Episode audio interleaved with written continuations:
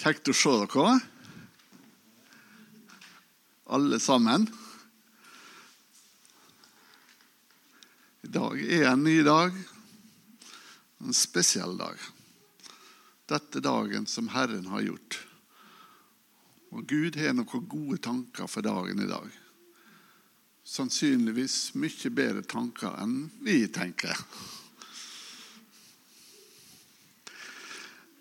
I dag har jeg valgt meg et tema som er kanskje et nummer for stort for meg. For jeg har tenkt å snakke om hvem er Gud?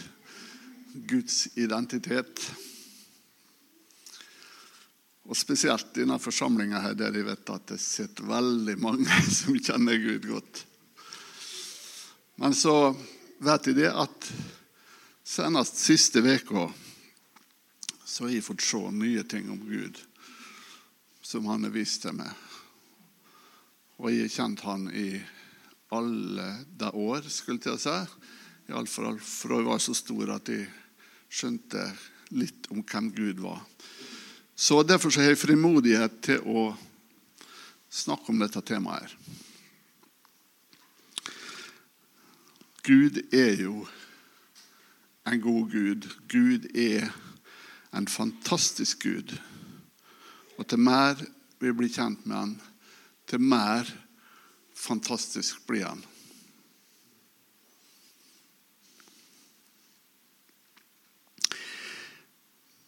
Hvorfor er dette spørsmålet der viktig? Hvorfor skal vi holde en tale i Nordvestkirka om hvem Gud er? Det er faktisk veldig, veldig viktig spørsmål. Jeg vet ikke hvor mange kristne det er på jorda, men jeg tør påstå at en veldig stor del av dem har et skeivt og fordreid bilde av hvem Gud er. Og uten at vi har et rett bilde av hvem Gud er, så kan vi heller ikke leve det Guds livet som han har for oss.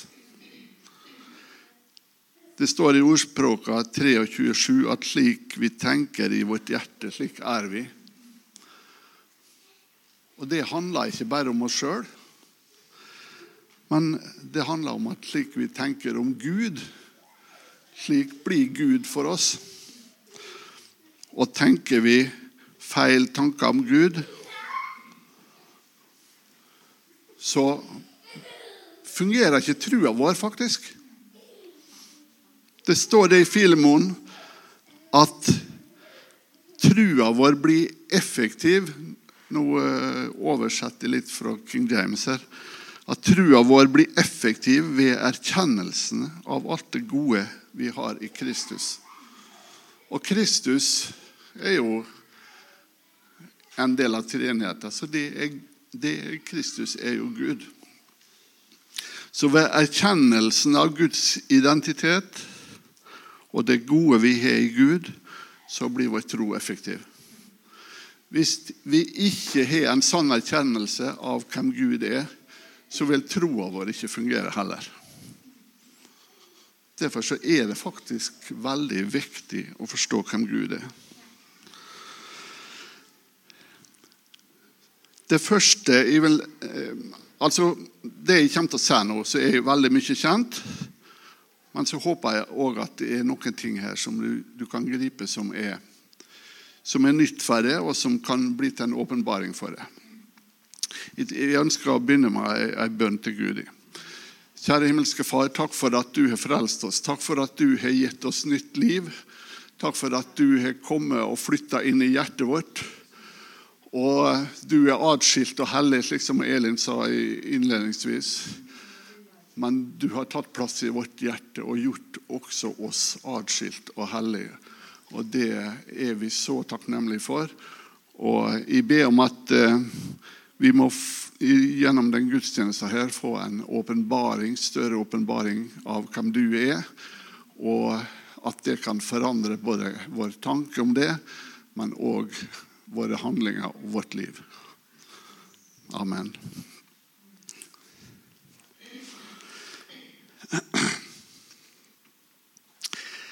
Det første vi vil si om Gud, er at Gud er en personlig Gud.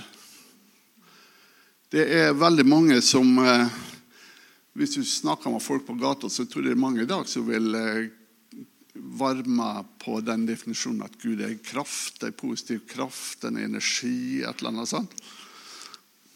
Men Gud er en personlig Gud. Det betyr at Gud har en identitet, han har et navn. Han har tanker og meninger og vilje, akkurat slik som oss mennesker. Han er en treenig Gud. Det betyr at det Gud, Jesus og Den hellige ånd er Gud. Og det husker vi ikke alltid på. Når eh, vi leser om Gud som eh, møtte Adam og Eva i hagen, så var det Gud, Jesus og Den hellige ånd. Det var den treenige Gud. Vi ser kanskje for oss Gud som en alene gammel mann i hagen som, som tok seg en tur hver kveld for å snakke med Adam og Eva. Vi ser kanskje for oss en ensom Gud som måtte skape mennesker for å ha noen å være sammen med. Men det er ikke riktig. Gud var ikke en ensom Gud. Gud hadde et perfekt fellesskap med Jesus og Den hellige ånd i treenigheten. Han var ikke en ensom Gud. Han trengte ikke å skape mennesker for å få fellesskap med mennesker, slik det av og til blir forkynt.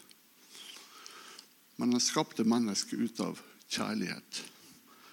Hvis han hadde skapt mennesker ut av et behov, så var ikke Gud en fullkommen Gud.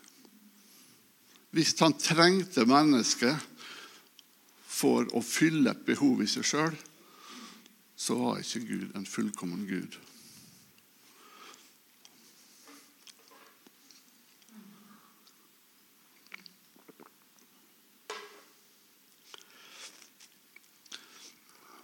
Gud er en fullkommen Gud. Han har ingen mangler. Det er ingen mangler i Gud. Det er ingen forbedringspotensial hos Gud. Han er alltid den samme. Gud er ubegrensa. Gud er fra evighet og til evighet. Han er uten begynnelse og uten ende.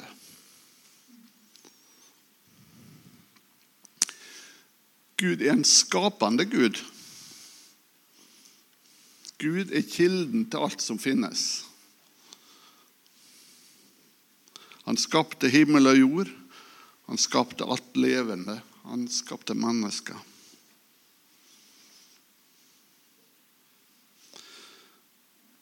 Men han skapte fordi han ville gjøre det, ikke fordi han trengte å gjøre det. Det er faktisk en stor forskjell på det. Han skapte fordi han ville, ikke fordi han trengte det.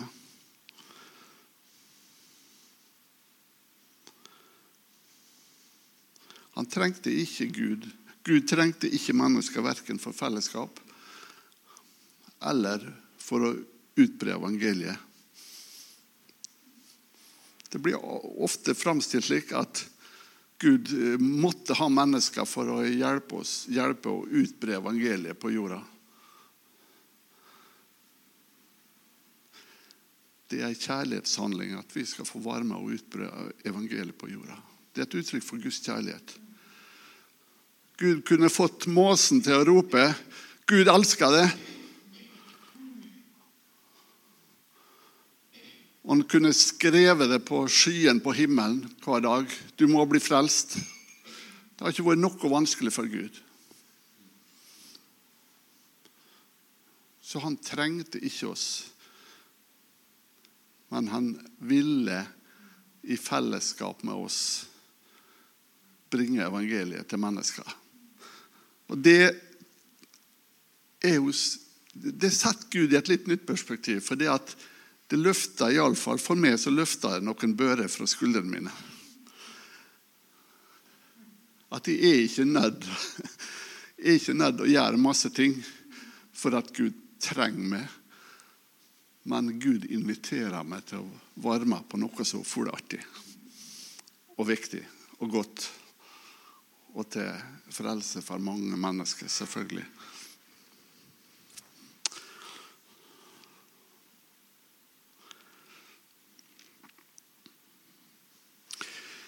Gud er kjærlighet. Det er en av karakteristikkene ved Gud. Gud er kjærlighet tvers igjennom.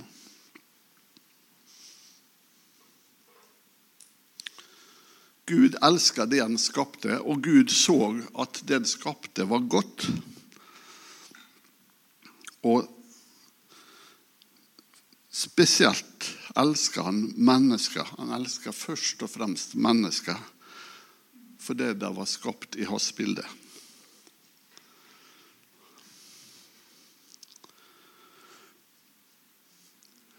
Gud elsker alle mennesker, og ikke bare de kristne. Og der tror mange bommer. Og vi skal lese litt, hvis dere slår opp i første Mosebok, kapittel 3.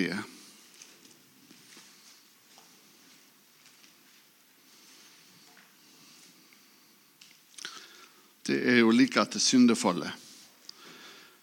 Fra vers 9 så står det at da kalte Herren Gud på Adam og sa til ham, 'Hvor er du?' Han svarte, jeg hørte stemmen din i hagen. Jeg ble redd fordi jeg var naken, så jeg gjemte meg. Da sa han, 'Hvem har fortalt deg at du er naken?' Har du spist har du ett av det treet som jeg forbød deg å ete av? Hva er det som skjer her?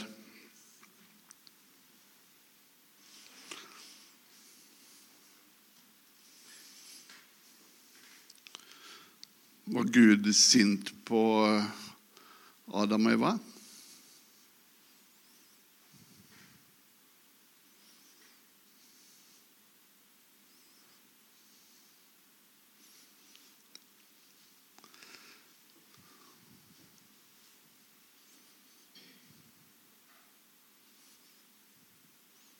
Hadde de noen grunn til å gjemme seg?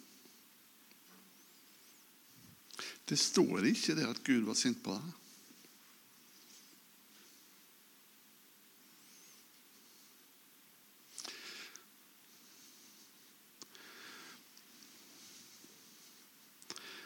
Men det som skjedde ved syndefallet, var det at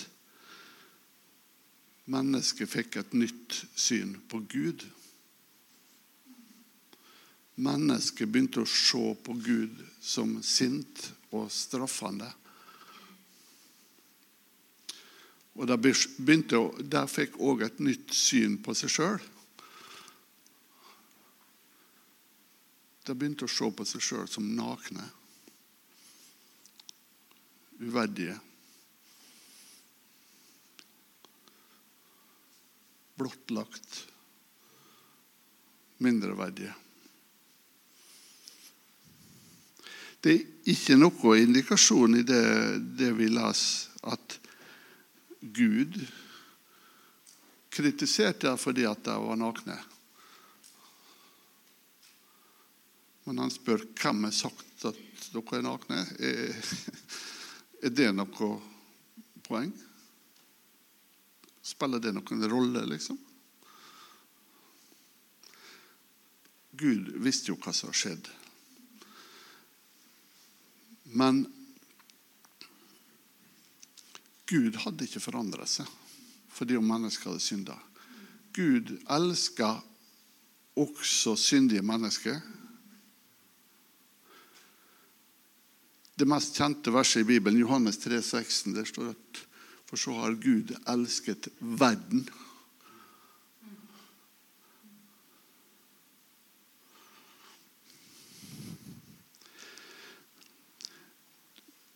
Vi, vi, kan sammenligne med en, eh, en, datamaskin eller en telefon eller noe som har en fabrikkinnstilling når den blir sendt ut på markedet. Og med den fabrikkinnstillinga så, så fungerer den best. Ikke sant? Noen som rister på hodet her, men Men iallfall så kan vi kludre til å ødelegge både en datamaskin og en mobiltelefon. Og, og det kan komme virus innpå, og, og, og, det kan skje alt mulig rart. Og når alt er helt håpløst, så må vi gå tilbake og så må vi til reset to default eller et eller annet sånt. Gå tilbake til fabrikkinnstillingen, og så begynner det å fungere igjen. Selv om Kjetil ikke er helt enig, så, så syns jeg iallfall det er brukbart som et bilde. Og jeg tenker det at eh, det var det som skjedde med Adam og Eva i det de synda.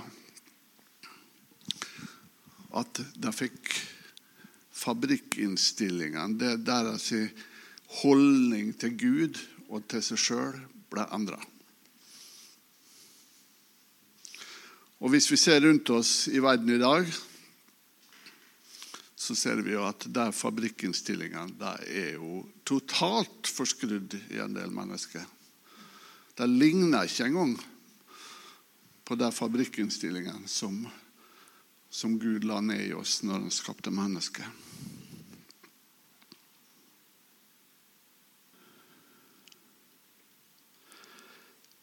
Så Gud endrer seg ikke. Men vi endrer oss. Og sjøl om eh, vi som menighet, sjøl om vi som kristne vet at Jesus har tatt all vår synd, så går vi gjerne med en sånn skyldfølelse overfor Gud. Vi føler at vi skylder han noe. Vi vet at han har betalt for våre synder. Men vi føler likevel på en skyld at vi skulle ha betalt litt tilbake. Og hvis vi klarer å betale litt tilbake med litt gode gjerninger, og litt sånn, så føler vi oss straks bedre, og så tenker vi at eh, ja, kanskje i dag kan få bønnesvar. For i dag har jeg nå betalt tilbake litt. Er det ikke sånn det fungerer, da?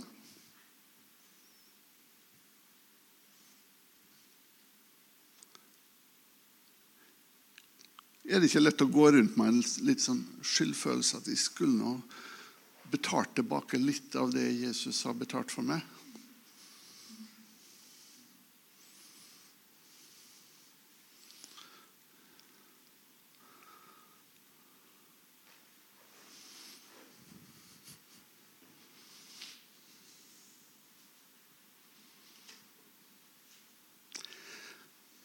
Det viktig å forstå at vi, Jesus, har tatt all vår synd. Han har tatt all menneskers synd, både tidligere, nåværende og framtidig synd. 1. Johannes 2,2.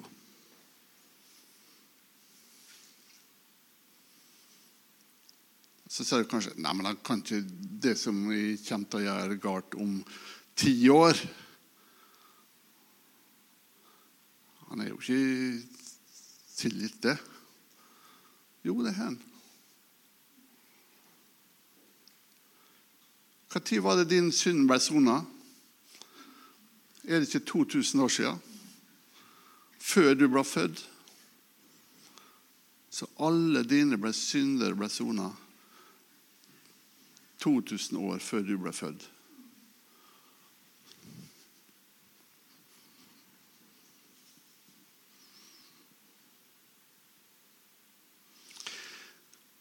Gud går faktisk så langt at han sier det at han ønsker ikke at vi skal ha noe bevissthet om synd i det hele tatt. Hebreerne 10,2 står det. Vi snakka om det forrige gang jeg preka. Jeg husker disse to blinkene som vi hadde her. Husk på, Gud sa det til mennesker. Dere skal ikke ete av det treet som gir kunnskap om godt og vondt. Det var i den tilstand Gud ønska at vi skulle være.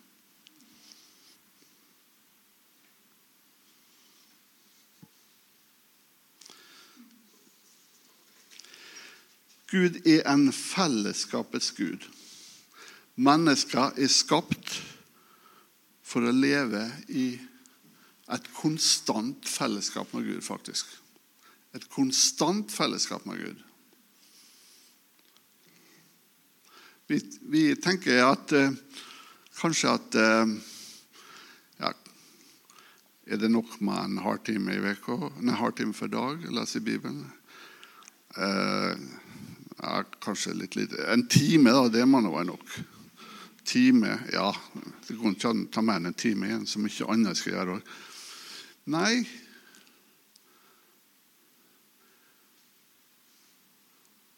I salmen så står det at vi skal grunne på Guds ord dag og natt. Til man har sover.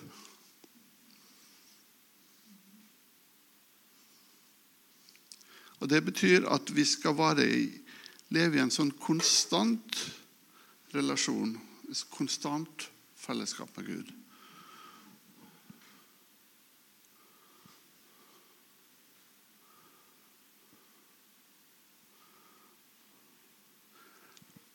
omtrent som greina på vintreet. Det var jeg òg inne på sist i preka. at Hvis ikke greina er på vintreet konstant, så dør hun. Og hun dør veldig fort.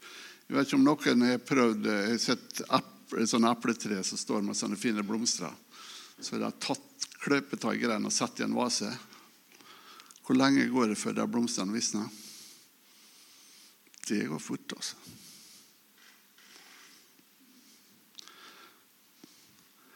Så Gud er en fellesskapets gud. Vi er skapt for en konstant relasjon.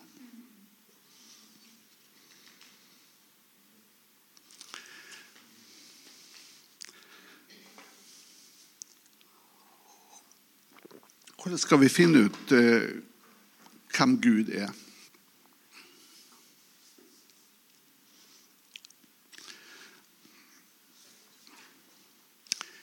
Er dere klar over at eh, Moses visste ikke hvem Gud var? Josef visste ikke hvem Gud var. David visste ikke hvem Gud var, sjøl om han har skrevet hele salmen. Ja, men Tarald, går det an å si noe sånt? da? Ja, det går an å se. For det sier Bibelen. Johannes 1, 18, så står det Aldri har noen sett Gud. Ja, men Hva med Moses og Abraham, da, som møtte Gud?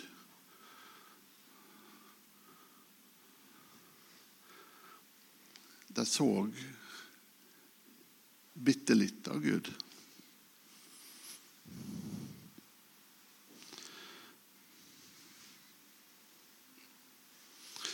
Men Jesus sa til disiplene i Johannes 14.: Hadde dere kjent meg, hadde dere også kjent min far. Fra nå av kjenner dere ham og har sett ham. Jesus Jesus er den fullkomne det fullkomne bildet av Gud. Og det er med å se på Jesus at vi kan bli kjent med, med Gud. Og det, det Moses så, det David så, det profetene så, det var som ei puslespillbrikke. De så litt. Men Jesus er hele puslespillet satt sammen.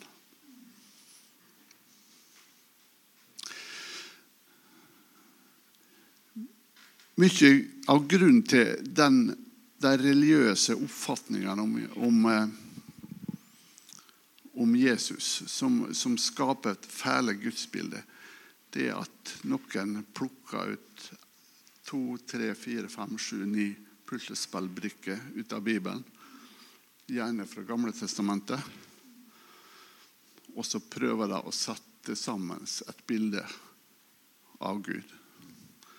Men vi vet, hvis du har lagt puslespill, så vet vi at hvis du får fem brikker i hånda di og skal prøve å danne et bilde av hva det puslespillet her framstiller, så kan du komme på temmelig ville veier. Og det er det mange som har gjort, faktisk. I navnet til Jesus så har de kommet på ville veier fordi at de bygger gudsbildet sitt på noe annet enn Jesus.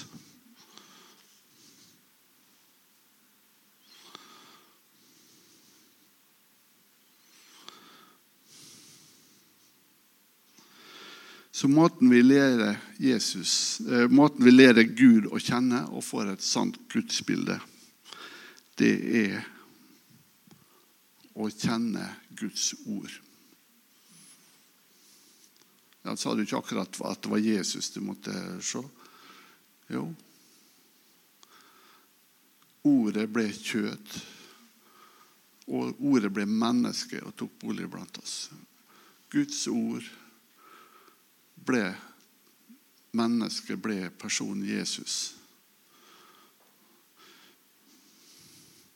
Sånn at det her er egentlig en stor oppfordring til å gå inn i Ordet, studere Ordet, leve i Ordet, slik at vi kan bli kjent med Jesus og bli ei slik grein på vintreet som lever i en konstant relasjon og fellesskap med Han.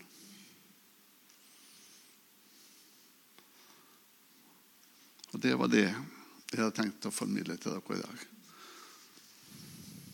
Det er et sånt potensial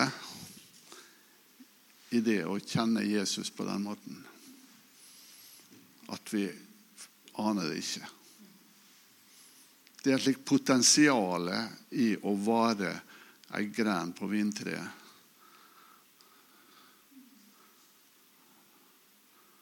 At vi forstår det ikke før vi begynner å søke inn i Ordet. Og Ordet begynner å åpenbare seg for oss. Og Ordet begynner å bli liv for oss. Og jeg er helt sikker på at eh, vi som menighet skal få se store ting i tida som kommer.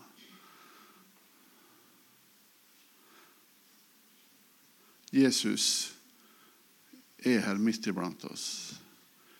Jesus bor i hjertet til hver enkelt av dere som sitter her. Og Jesus ønsker å åpenbare seg for oss så vi kan få bli sånne greiner på vintreet og begynne å bære rikt med frukt i Hustadvika og langt utover Hustadvika sine grenser. Amen.